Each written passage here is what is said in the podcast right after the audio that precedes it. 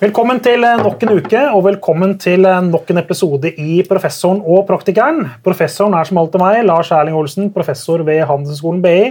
Og ved min side står eh, bransjeveteranen Alf Bendiksen, som har eh, hatt de fleste roller og oppgaver som er mulig i norsk reklamebransje gjennom mange år. Og I denne podkasten prøver vi å gi dere et oppdatert eh, blikk på markedsføring, merkevarebygging, kommunikasjon og alt det som måtte være rundt det i bransjen. Og i dag så har vi fått besøk av kongen. Kongen er død. Lenge leve kongen.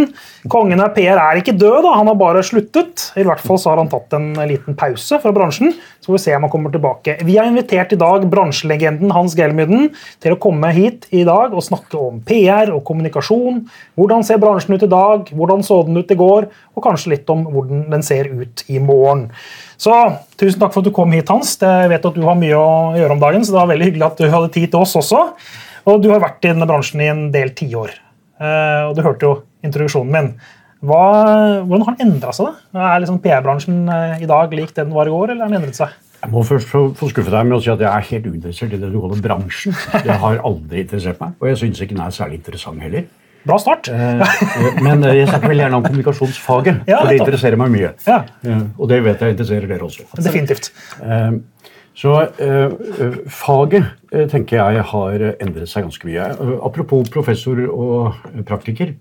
Dette møtet får meg til å huske tilbake på et møte jeg hadde med professor Kjell Nordstrøm, ja. som var professor på Handelshøyskolen i Stockholm tilbake i 96. tenker jeg det var. Med svarte klær og funky business? Ja, ja. Er, ja mm. Fantastisk kommunikasjonsbegavelse. Mm, I tillegg til at han var professor der borte. Uh, og jeg uh, hadde bedt om et møte med Kjell fordi vi skulle etablere oss i Stockholm. Uh, og så sier Kjell ja, det er fint, jeg kommer til å si ja hans til å sitte i styret, og sånn, så det kan du ta helt med ro. Men begrunnelsen din for å ta kontakt med meg, hva er det? Og så sa jeg jo det er fordi jeg tenker at dere i akademia ligger foran, og at vi har mye å lære av dere. Mm. Så sa Kjell, vet du hva, det er jo helt feil. Vi i akademia vi kan bare registrere empiri. Ja. Jeg kommer til å si ja, fordi GK er et av de mest uh, fremtidsorienterte og innovative byråene som jeg kan lære av. Så det er helt motsatt av hva du tror. Dette er en diskusjon jeg senere hadde lenge med Peggy Brønn, som hadde litt problemer med å ta dette inn over seg. Ja, Peggy er min tidligere, nå pensjonerte Hun er eh, professor emerita, som det heter nå. ja. Men på et tidspunkt så ringte hun meg og sa Hans, etter ti år, jeg kastet inn håndkle. Jeg er enig med deg. Det må, det må være sånn. Det er nesten så jeg gratulere deg, for det er veldig sjelden at Peggy faktisk det sier innrømmer feil. i hvert fall, så Det er godt gjort. Ja. Men, øh, men øh, det er helt riktig som du sier, at GK startet jo ut i 89. Jeg mener jo at jeg har jobbet med kommunikasjon egentlig hele mitt liv. for jeg har vært eh, journalist, jeg har vært redaktør. Ja, jeg har jobbet med det i 10-15 år før eh, jeg fikk sparken som sjefaktør i Morgenbladet, som var en dagsavis den gangen. Mm. Og Jo Kise, som jeg kjente godt eh, fra media. Jo var Trygve Egnars første medarbeider i Kapital. Tok kontakt med meg og sa nå Hans, nå må vi finne på noe moro sammen. og Da er det helt riktig at Jo og jeg ble enige om å hoppe over gjerdet der det var lavest. Og inntil den såkalte PR-bransjen var det ikke noe gjerde i det hele tatt. Det var, jo, det var jo en jungel.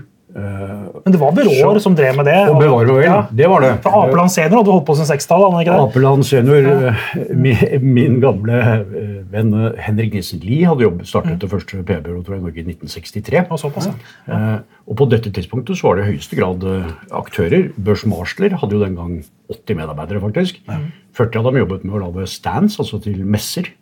Og så hadde de en stor grafisk designavdeling, og så hadde de noe som skrev pressemeldinger litt på siden. Mm. Så det er absolutt aktører. Eh, men både, både Jo og jeg hadde jo sett fra pressen eh, hvor dårlig det sto til. Eh, så vi tenkte at her var det jo Det, det å starte den bransjen var jo å ta godteri fra småbarn. Det, var, det burde jo være ganske enkelt. Mm. Og så ble vi enige om en ting, og det var at vi måtte ha det moro. Fordi vi syntes at faget i seg var såpass enkelt at vi måtte finne andre stimulanser. Og da ble det å hente de beste folkene. Og det har gått inn hele tiden. Og det var jo starten på uh, GK som uh, talentfabrikk. Jeg skal ikke, jeg skal ikke dvele for mye uh, ved denne urhistorien, men heller, heller si at jeg, jeg mener å se at GK har gått gjennom fem viktige akter. Og den første, fra 89, var PR.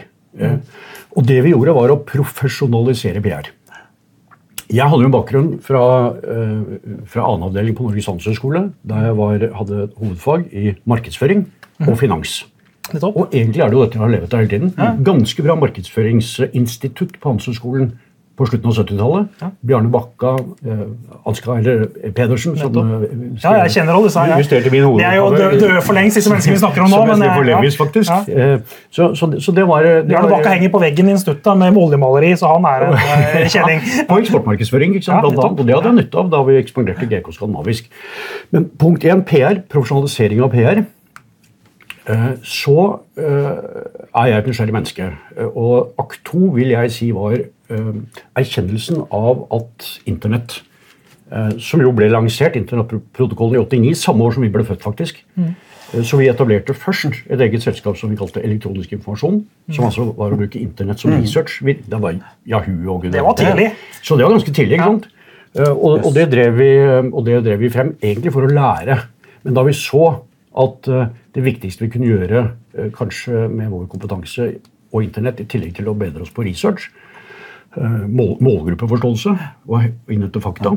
Eh, det var Så endte det egentlig etter hvert opp med å lage nettsider og slikt. Og, og det var litt utenfor det vi skulle gjøre, så da solgte vi det med ganske stor suksess til Spray og Racer. Spray var på dette tidspunktet en ganske, ganske fremgangsrik organisasjon i, mm. i Sverige. Uh, så akt tre, som jeg har valgt å kalle integrering og markedsføring. Og For meg begynte egentlig den med et, et, møte med ledende merkevarefolk i Orkla, eh, som jo sverger til Unilever-modellen. Mm, den har jeg vokst opp med, for jeg bare minst i sin tid. Ja. kjente, kjente, merkevarer. Mm. Og Jeg husker i dette møtet at jeg, jeg, sa at dette er interessant, men jeg tror ikke dette kommer til å holde fremover. Hvorfor står Orkla med bitte, bitte liten skrift helt bakerst på, på Blenda-boksen, for å ta et uh, eksempel? Og det kunne de ikke egentlig svare noe på, så jeg sa at uh, det tror jeg kommer til å endre seg. Uh, og det var de ikke sikre på. Nei, det, det vil jeg tro. ja. Veldig sjelden at Orca-folk har vært uh, sikre på noe som helst uh, som ikke Unilever har fortalt. Men jeg har veldig respekt for og det, jeg skjønner jo det, for Unilever-modellen hadde jo trent dem vel fra 1948. eller når de, når de startet med den. Generasjonen av norske markedsførere som har lært, lært opp der på særlig 60- og 70-tallet. Nettopp. Ja. Så det, så det, var liksom generasjon tre. Det tar alltid litt tid før ting fordøyer, men vi fortsatte å jobbe med, i, i den tro. Eh, at eh, avsender kom til å bli viktigere og viktigere. Mm -hmm. Så så vi jo hvordan etter hvert Internett også ble kanaler for å kommunisere. Og jeg vil kalle det vår generasjon fire. Hvor vi så at man kunne massekommunisere stadig billigere. Vel å merke dersom vi hadde sterke nok konseptfolk og dette, dette, ble viktig for det GK du ser nå, egentlig. Ja. Uh, som kunne klare å dramatisere. Problemet vårt med det var faktisk at for å finne sterke konseptfolk og, og, og, dramaturger, så kunne vi ikke gå til vår egen bransje, PR-bransjen. fordi uh, der er det jo ingen fantasi. Altså, det er jo egentlig ganske, ganske trist der. Men utfordringen vår var at vi da måtte gå til reklamebransjen, og de var spesialister på å kommunisere ny smak. Ja. Men husk på at Gelman Kise har alltid levd i virkeligheten. Og jeg har alltid sagt at det er mye morsommere, for virkeligheten overgår ofte fantasien. Ja. Så vi måtte prøve å omskolere reklamefolk som kommuniserte ny smak, og som var vant til feel good. Vi lever jo like godt av feel bad. Ja, det vil jeg tro. Sånn? Så det er en helt annen innfallsvinkel. Dere får betalt uansett dere om det er en krise eller ikke. Men, nei, men, men, nei, men, vi har sterke metoder for hva vi skal velge. ikke sant? Uh, fordi vi, vi, lever alltid av nyhetstenkning, og det, det, er greit nok at det kan være en ny smak, uh, Alf. Uh, men det kan jo like gjerne være en nyhet, det kan like gjerne være en ny argumentasjonsrekke. Absolutt. Det kan, være en, det kan like gjerne være en ny sinnsstemning. Mm, mm, der er det jo, som Aristoteles sier, stort sett frykt og sympati man kan velge mellom. Ja. Så, så det, er mange, det, er mange, måter å skape nyheter på. ikke sant? Så, så det er det som alltid har drevet oss. Uh, og, hvert, og, og, og, dette ble egentlig en sånn uh, en veldig viktig ekspansjonsfase. for Da måtte vi egentlig dublere miljøet vårt. Vi hadde et sterkt redaksjonelt miljø, journalistisk miljø, men vi begynte å rekruttere under ledelse av en mann som i tre-fire gjorde en veldig bra jobb for oss, som heter Andreas Wave, som kom fra denne mm. type eh, bakgrunn i Dynamo bl.a. Mm, ja.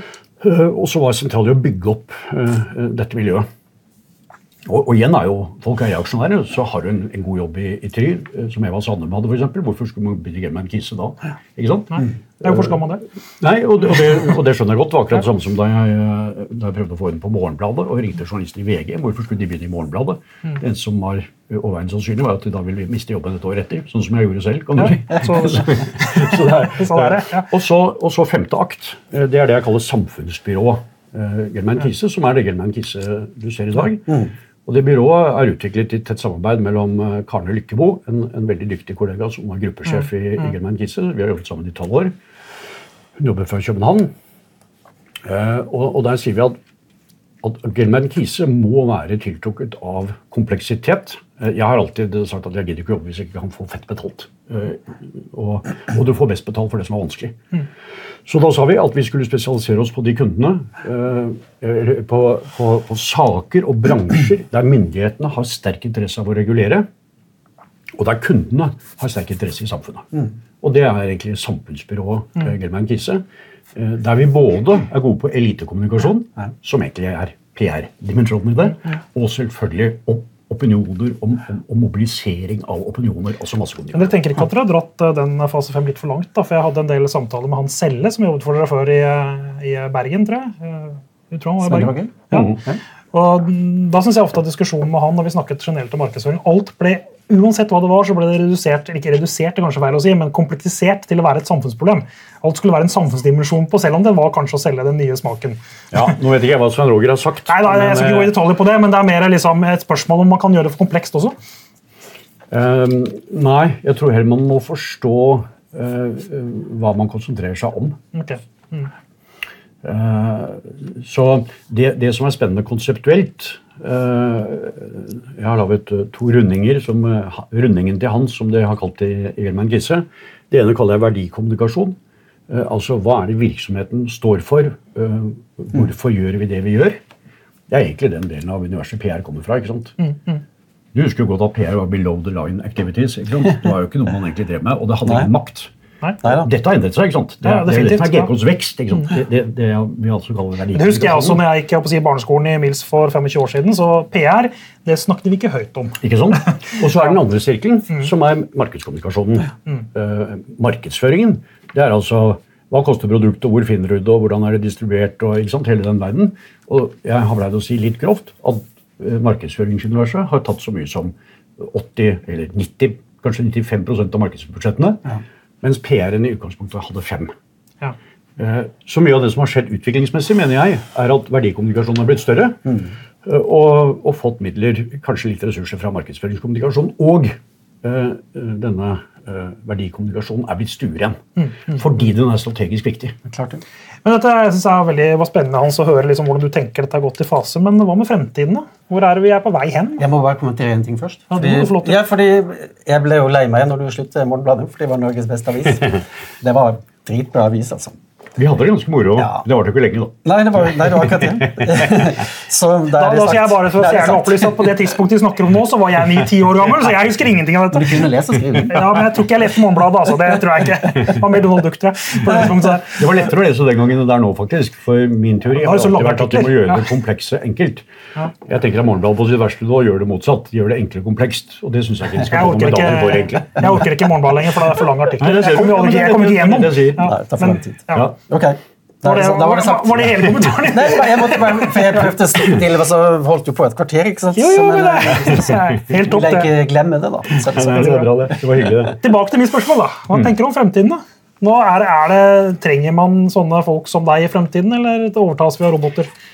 Ja, man trenger, man trenger, gode strateger, og man trenger kreativitet. Og, og det er jo eh, ikke troverdig at uh, chatbots og uh, ChatGPT og uh, Bing kommer til å erstatte det. Nei. Uh, og så trenger vi mye bedre regulering. myndighetsregulering mm. på disse områdene. Ja. Fordi man ser hvor enkelt det er å manipulere. Ja. Det er morsomt nå på sosiale medier å se at alle skal teste seg selv. Hva, øh, hvem er jeg, når de da spør Bing og ChatGPT, og da kommer det jo ut helt absurde påstander. Definitivt, ja. Eh, Da min kone gjorde det, så sto det at eh, hennes store bragd i livet var at hun hadde skrevet en biografi om dronning Sonja. Eh, Det er jo litt artig, da. Det har hun aldri gjort. så, Men hun kan skryte av det for det. så, Det syns jeg skal begynne å skryte av. ja, og det, og det har hun gjort også. Okay. Hun er nesten ikke til å være husmed lenger, faktisk. Hun forveksler seg selv med dronning Sonja i Så det er både kongen og dronningen. Jo hun heter jo med- Margrethe, Ja, så det er jo det er ikke så rart. Så det er kongen og dronningen i det Game Ja. Og det er bare plass til en kong.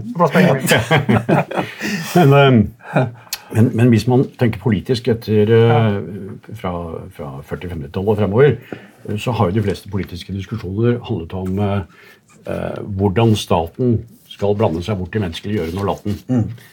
Men jeg tenker de neste 30 årene, siden du spør om det, Lars, så tror jeg mer og mer kommer til å handle om uh, hvordan eh, kunstig intelligens kommer til å blande seg bort i menneskelivet. Og hvor mye de skal få blande seg bort i menneskelivet.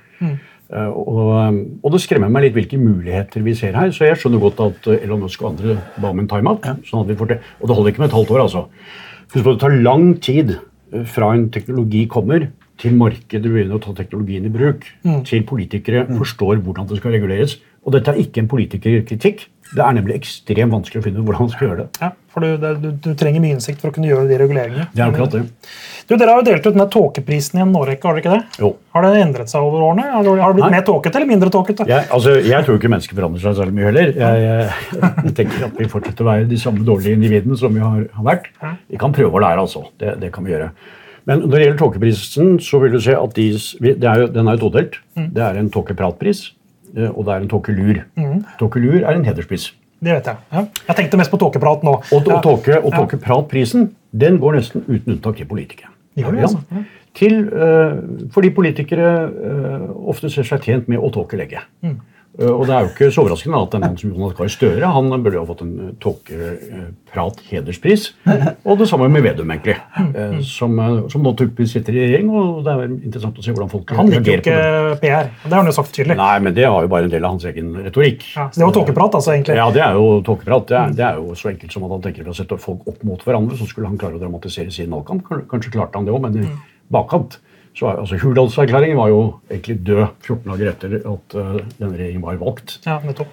Fordi verden forandret seg så fort etterpå. Ja, ja. Og han som da snakker ned bransjen mest, er den som trenger bransjen mest. Ja, det, det, og det er ganske, ganske interessant. Og så har realitetene vist at de har jo ansatt flere folk i er kommunikasjonsstillinger enn enn noen annen regjering. Så de har jo på en måte ja. Så jeg, så jeg tenker eh, hvis, du, hvis du tenker at, at eh, Aristoteles skrev retorikken for la meg si, et par tusen år siden, eh, så vil jeg si at faget har utviklet seg eh, siden den gang. Og jeg tror ikke at vi kommunikasjonsfolk kommer til å bli overflødige, fordi faget vårt er sivilisatorisk. Og det har også vært veldig viktig i det GK jeg har bygget, at jeg har sagt til alle mine kolleger hver morgen at det vi gjør, er viktig. Eh, Det er, ikke, det, er ikke noe, det er ikke noe sjuskete. Jeg husker første semester på Norges handelshøyskole. eh, Så hadde jeg en svensk professor eh, som eh, forklarte oss eh, eh, teorien om frie markeder. Eh, At forutsetningen for frie markeder var perfekt informasjon. Eh, Og jeg eh, gikk opp til han etter forelesning og spurte ham har du noensinne selv, eh, Munch Tore, som han het, hatt perfekt informasjon.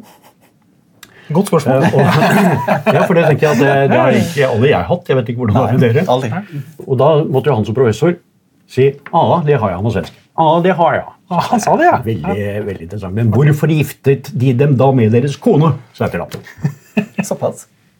Hadde du giftet deg med din? og da begynte han å flakke med blikket. Så, så, så Dette bør jeg ikke svare på, vi- dette, må, vi- dette må vi kanskje snakke mer om. Nei, eh, så, så det å, men, men det jeg har erfart gjennom disse 34 årene som, eh, som jeg drev i GK, og for så vidt også fra min journalisttid, er at perfekt informasjon nok ikke finnes. Fordi en viktig informasjon også er følelsesmessig. følelsesmessig. Men det jeg alltid har sett, og som jeg syns er stimulerende, det er at det alltid finnes bedre informasjon. Ja. Så jeg pleier å si at bedre informasjon gir bedre beslutninger og bedre samfunn. Og det er min drivkraft. Det er aldri godt nok det som er der. Det er ikke godt nok det vi vet i dag heller. Men du kan alltid finne bedre kunnskapsgrunnlag, en bedre forståelse. Eh, Og hvis du da etterpå har mot nok, så fullfører du dine dyder. Og så er det en ting til. Men Trekker du den så langt å si at eh, GK har vært et demokratiprosjekt? Altså den forstand at uh, Hvis dere bidrar til bedre og klarere og tydeligere kommunikasjon, så kan noen også fatte bedre beslutninger. F.eks. Ja. valg eller livsbeslutninger generelt. da. Men, men et demokratiprosjekt i Hegels ånd Eh, med tese, antitese og syntese. Mm. Skjønner du? Ja. Gjennom diskusjon hele tiden. X-Fils, jeg vet på Hegel Der ser du. ja, og, det, og det, vært, det, er helt riktig, det har vært drivkraften min hele tiden. For jeg har aldri trodd at jeg har visst best. Jeg har trodd at jeg vet noe. Mm. Og hvis jeg klarer å formulere det tydelig og dette er i parentes en av mine kritikker mot den såkalte bransjen. At man ikke er opptatt av å kommunisere, men om å kamuflere. Ja. Uh, Toril Moi, eller Moi har vært inne på dette i flere kronikker hun har skrevet. Ja. Eh, men hvis man klarer å være tydelig, så er det alltid en der ute som vet mer, og som kommer tydelig tilbake til deg, sånn at man sammen kan lage en syntese. Det syns jeg er ganske vakkert i gangene. Ja, ja, ja, men det, det, er jo en ting til i dette her. Du blir jo da aldri ferdig. Det er også helt riktig. Nei, men, men samfunnet blir aldri ferdig. Så, du kommer aldri til å slutte med dette. Det har jeg skjønt på. Så menneskene blir aldri ferdig, og samfunnet blir aldri ferdig. Men apropos da, da konverflering. En bransjedebatt som har vært i mange år, har vært dette med åpne eller lukkede kundelister. Ja, det er jo helt utrolig. Ja, hva tenker du om det? ja, Da er det jo veldig fristende å si at bransjen egentlig ikke klarer å bevege seg noe særlig videre. Uh, og jeg, eh, jeg, tenker det er eh, interessant f.eks. at uh, offentlige anbydere, når de legger ut anbud, at det ikke stiller som krav at det er en forutsetning at de som skal by, har åpne kundelister. Mm. Det syns jeg er veldig rart. Mm. At man kommer unna med en sånn halvkvede viser med at det er noen kunder her, og noen har vunnet bordet. Det er jo helt uakseptabelt. Ja, jeg mener det, I forhold til det med kamuflering og kontra åpenhet, så er jo det ganske vesentlig. ja. Men jeg tror at de som er lukkede kundelister, har det rett og slett fordi de er redd for å bli avkledd på hvor ubetydelige de er, og hvor få resultater de har. Ja. Jo, fordi det er jo en sjekk ja, ja. Hvis du ser hvem du jobber med, så kan jo også folk tenke men pinadø, det var jævlig bra. Tenk, det har de fått lov til å være med på. Ja, ja For byråer styrer jo ikke verden. Vi er jo bare bidragsytere til oppdragsgivere. Ja. ja, det er godt. Det er interessant perspektiv på det. Du, eh, Gerben Kise, du var inne på det her i stad. Gerben Kise har jo vært en skole i bransjen. Altså, Veldig mange har jo vært innom i firmaet ditt i en kortere, lengre periode og er andre steder nå. Eh, var det planlagt fra dag én, eller har det bare blitt sånn? Ja, Det var planlagt fra dag én mm. at det skulle være veldig vanskelig å få jobb hos oss. Mm. Eh, så det var det første hun sa til meg, at vi må ha morsomme folk. Mm. Det er så trist å arbeide. Det er mye morsommere å ligge hjemme på divanen og ja, jeg skal ikke ta det videre, og ha det hyggelig. Så, eh, så vi, vi, ville ha morsomme, morsomme mennesker. Bra folk, rett og slett. Og det første vi gjorde, var jo Apropos økonomisk teori. Eh, det første vi gjorde, var jo rett og slett å få til et lunsjskift. Eh, journalister og redaktører da vi startet i 89, de tjente ganske dårlig. Mm. Så ved å gå opp den gangen fra ja, la meg si 300 000-400 000 til 500 000-600 000, så kunne vi plukke ut de beste redaktørene og de beste journalistene fra norsk presse. Men Du sa jo i en intervju for et år siden at de som jobbet i bransjen på det tidspunktet, stort sett var alkoholiserte tidligere journalister. Men dette var ikke fra bransjen. Nei. Dette er fra mediene. De plukket fra det beste fra mediene. De plukka nye folk. du. Ikke de. Som, ja, ja, selvfølgelig. Ja. Vi måtte jo ha nye folk. Vi kunne jo ikke bygge videre på det vrakgodset som lå der. Nei, nettopp. Så, nei, så dette var ikke bransjefolk. Nei, det var det, men, men, sjekke, ja. men, men, det samme gjaldt politikere. Vi kunne jo gå inn og plukke veldig flinke folk fra politikken også. Mm. Vi anerkjente jo den kunnskapen de hadde. Vi var aldri opptatt av kontaktene deres. Det er det jo noen konkurrenter eh, på sine områder som definitivt er, og som markedsfører seg som. Vi kjenner noen. Da går vi bare opp i Parkveien ettermiddag og så fikser vi dette. Dette er jo grov bløff og grov løgn. Men, ja. men slik Det høres veldig korrupt ut. i hvert fall hvis det er ja, det er, det, er, det er, helt riktig. Mm, mm. Du har vært ja, unnskyld, Nei, men Det har vært en slags skole for bransjen òg, da? Og ja, det håper jeg, jeg, jeg, håper du har rett i det. Og ja. hvis det er tilfellet, så syns jeg det er veldig hyggelig. Mm. Vi har i hvert fall hatt eh, Jeg tror vi har 600-700 alumnis Uh, og nå planlegger De stor, eller de spurte hvordan, hva slags avskjedsmarkering jeg ønsket. Mm. Og jeg er ikke noe sentimentalt menneske, men jeg sa at jeg synes det har vært fantastisk hyggelig å møte både nåværende, men også invitere de 600-700 på en skikkelig fest før sommeren. Mm. For å si tusen takk for følget. Så det, det, blir det. Så gøy. Ja. Det er, ja, det er helt sikkert på å bli gøy, for det er jævlig bra folk. Ja. ikke sant? Ja, det er jo det som var tanken. Altså, dere har jobbet systematisk, og dere har plassert gode folk også andre steder, men som har Gilbert og Kise-logikken i blodet. Det er nok ikke noe tvil om at hvis du har hatt GK på CV-en, mm. Eh, så er det en del dører som har åpnet seg. fordi eh, det, det, er litt som i McKinsey. ikke sant? Hvis du er, har bare, bare i McKinsey tre år, er McKinsey dropout, så er det kanskje ikke Men hvis du har vært med en stund, da. La meg si fem-seks år, eh, ja, så skal det mye til at du ikke har klart å ta til deg noen ting. Ja, ikke sant? Du, ja, men det er jo bevis at, at du kan takle det. Ja, det er jo det er jo samme hos deg òg. Ja, det er helt riktig. Mm. Det er samme systemet. Så, så, jeg fikk lov å låne McKinsey-modellen da vi lå nesten nede med brukket rygg. Så ringte min gamle studiekamerat eh, Tore Myrholt, mm. som eh, var veldig sentral i McKinsey i Oslo den gangen, og kom i et møte med Odd Kristoffer Hansen og Trond Ribe Knutsen, han ja. kan si, Seed Capital-kongen. Eh, og sa her er hele modellen hans. GK er så viktig. Vi, vil at dere, vi håper dere overlever. Vi gir GK gratis McKinsey-hjelp i ett år. Uh, og det gjorde de. Yes. Så de stilte opp. Jeg misbrukte det ikke, men vi hadde en tre-fire møter gjennom det året. Fantastisk. Det er bra ja, men det er bra. Ja, det er veldig bra. Og det var veldig nyttig for oss. Det er klart. Ja. Du Hans, du har jo til tider vært litt kontroversiell også. Du ja, det er godt å høre. Sagt mye. Og, og verre skal det bli. Verre skal det bli. Og jeg, jeg tenkte jeg skulle eh, ta og stikke kniven litt i såret og spørre deg litt om den mangfoldsdebatten som det var for et par-tre år siden. Eh, da ble det litt bråk. Ja, men jeg, jeg, kaller ikke, jeg, kaller ikke, en mangfoldsdebatt, Nei. egentlig. Det var du eh, og, Fordi Mangfold har jo vi vært opptatt av eh, bestandig. Mm. Men, jeg, men jeg engasjerte meg i en debatt der jeg rett og slett var utrangert på kunnskapssiden. Jeg hadde ikke diskutert dette var, dette var, 14 dager etter, at, etter drapet på George Floyd. Mm. Så da tenker jeg vi er i juni 2020 eller 2021? husker dere det? Ja, det, var, ja, det er to-tre år siden. jeg er usikker, Men ja, rundt der. ja, Stemmer nok. Uh, og så hadde jo uh, min nyvunne venn Omar Ashraf uh, skrevet en bok som het tror jeg, 'Hvit PR'. Riktig. Han hadde kritisert bransjen. Og det ja. interessante med den boken er jo at der, den er jo egentlig ikke rettet mot bransjen, den var jo rettet mot Try.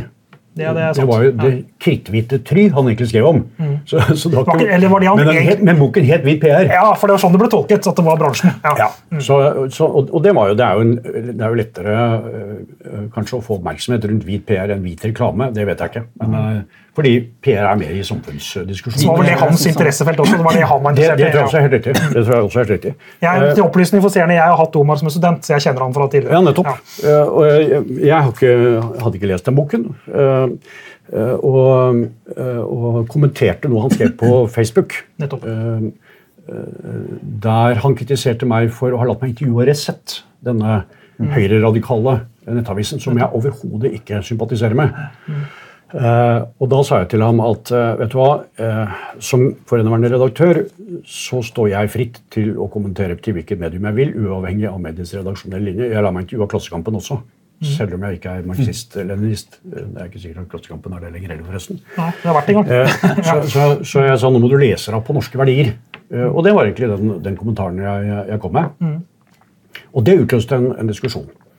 Eh, som også ble kalt en rasismedebatt. Men jeg hadde ikke karakterisert Omar Ashraf. Det interessante syns jeg er læringsmessig. Mm. For Jeg skjønte ikke helt hva som traff meg. må jeg være ærlig å si. Men det traff deg. ja, ja. Eh, og det traff jo ekstra godt pga. George. Altså timingen, ja. som jeg alltid er veldig opptatt av. Å forstå timingen. Uh, gjorde at det ble veldig, veldig uh, opphetet. Men uh, aldri så galt at det ikke er godt for noe. Så den som hjalp meg å forstå dette, er min gamle venn Ervin Kohn, som fortsatt, tror jeg, er forstander i Det mosaiske mm. trossamfunn. Mm. som sa Mine gamle venner kan kalle meg Fats. Ehm, eh, dette er ikke et rasistisk utsagn biologisk, sånn som vi er opplært med. Jeg er født i 57. Mm. Ehm, eh, men i dag eh, er det rasistisk kulturelt å snakke ned til noen med en annen hudfarge eller en annen tro. Mm. Han sa det. Ja. ja. Og det syns jeg er et interessant perspektiv. Mm. mm. Mm. Og jeg tror debatten blir bedre hvis vi tar det perspektivet innover oss. Ja. Jeg hadde brukt ekstremist, ikke sant? Og det er klart at da, da satte jeg fyr på, på, en, på en dimensjon her. Så det syns jeg var viktig å lære av. Og oppdatere mitt eget kunnskapsgrunnlag. Og så fikk du litt kjeft av egen ansatte òg, gjorde du ikke det? Ja, det... Nok noe hans, husker jeg et ja, innlegg. Men det var jo hjelpeløst. Det spilte ikke en rolle. Det, det som spilte rolle for meg, var Omar. Ja. Fordi jeg hadde behandlet ham på en måte som jeg ikke liker å behandle medmennesker. Jeg hadde Eh, sparket bortover, eller jeg hadde sparket på en som ikke var en autoritetsperson. Mm. Nei, for Han var jo en ung mann i, det var akkurat på vei inn i bransjen. Og det, ja, nettopp, ja. det likte jeg ikke. Altså, men, sånn skal man ikke gjøre. Er dere gode venner i dag, eller? Vi, I aller høyeste grad. Mm. Vi spiser eh, lunsj sammen av og til, og vi snakker sammen. For Han har jo kommet inn i bransjen, er sant? Ja, det er sånn det. Mm. Men det som er eh, sånn Hva han kan lære av det der, da Du tok jo din egen medisin. Mm. sant? Det, må jo, altså, det er et godt PR-håndverk i etterkant. Ja, eh, det, det er snilt av deg. Det var ikke egentlig ment å, å, avlede det taktisk, men jeg har jo alltid sett på meg selv som en evig student. Ja, men Jeg ser jo ikke at det var avledning. Nei, det var godt Så hva kan man lære av det? Ikke sant? Ikke sant? Hva kan vi ta inn over oss? Jeg husker jeg fikk anledning til å gå på, på Dags 18 og diskutere med Omar blant Uh, og senere fikk jeg anledning til å lage sommer i P3, uh, unnskyld, P2 for tredje gang. Uh, hvor jeg også drøftet inngående hva jeg mener vi som samfunn kan ta ut av det. fordi Hvis vi alle lærer litt mer hva dette handler om, så tror jeg også vi kan snakke litt bedre sammen. Og da er jeg tilbake i Hegel igjen. Da kan vi snakke bedre sammen og finne bedre løsninger. Mm. Ja. Hvis man etablerer uh, polariserende debatt og tar avstand fra hverandre og dramatiserer på den måten, ja, da kommer vi ikke videre. Men, men bransjen vår har jo nesten ikke debatter. Nei.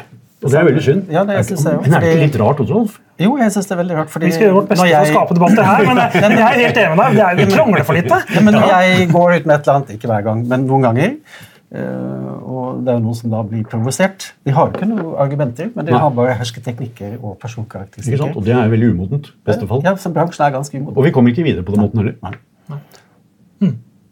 Tusen takk for at du kom i studio, Hans. Dette her har vært uh, veldig lærerikt og veldig morsomt å ha deg her.